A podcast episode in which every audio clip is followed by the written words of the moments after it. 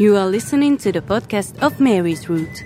The Mary's Route between Mariazell and Csíksomlyó, Czestochowa and Medjugorje connects the sacred places, natural and cultural treasures of Mary. The road is open to everyone. Community, challenge, immersion, renewal. Details on the Mary's Route website and community channels. Bishop János Székely's The Way of Mary. Preface A pilgrimage is not simply a trip or an excursion.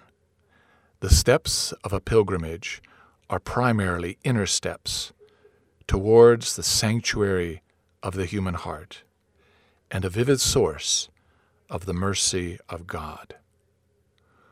Once upon a time, those who left on a pilgrimage wrote their will, said goodbye to their family, and thus started out on their way.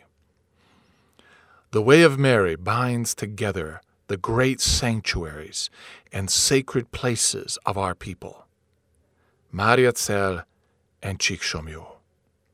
Mariazell owes her light and importance to the votive gifts of our great King Louis, while Csíksomlyó is the place where the Hungarians gather, pray, and draw strength at the source of divine life from year to year on the Saturday of Pentecost in honor of the Holy Virgin. The way of Mary connects us to God and to each other. It helps our people in their spiritual recovery and strengthening.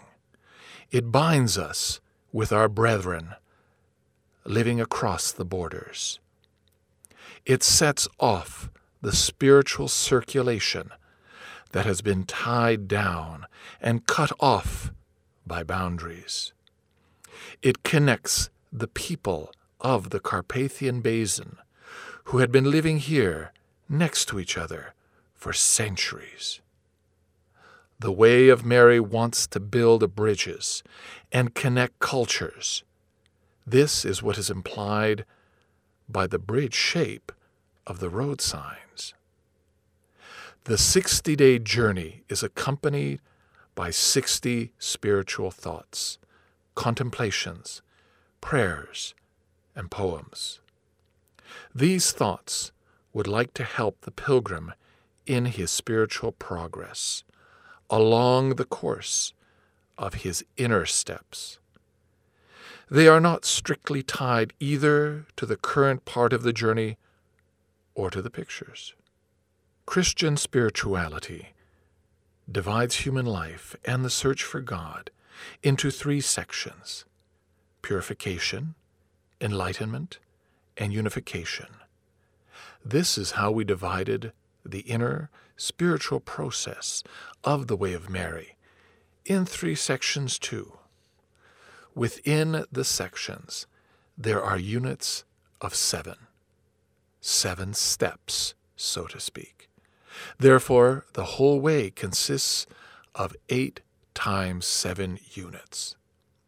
Within all units of seven, each step recalls the example of Christ since our life and our pilgrimage is the following of Christ. We walk His way. Within all units of seven, we can find a contemplation in connection with the Virgin Mother, because the way of Mary is done by the pilgrimage in her spirituality. In addition, we can also find examples from the lives of saints, prayers, quotes from the Bible, which can help our inner journey. We also evoke the traditions and saints of our people because we want to walk the way of Mary with the faith and piousness of our ancestors. At the end of the daily thoughts, there is a task, a word of advice, and also a question that can be pondered upon that day. If we go with a group of pilgrims, the group can talk about this question.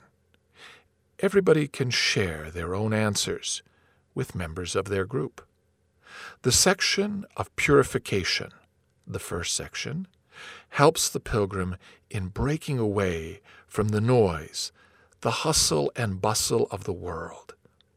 He should calm down, row into the deep, and face himself, his sins, his life. The second part of the journey, the way of enlightenment, helps the pilgrim in listening to Christ, in seeing his life in his light, learning from him, and following him.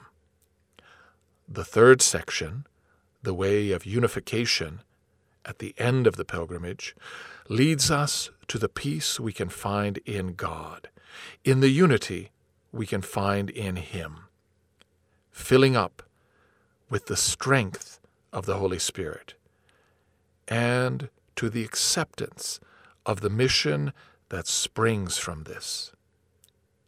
Even if you undertake a shorter pilgrimage, you will benefit from these contemplations and prayers.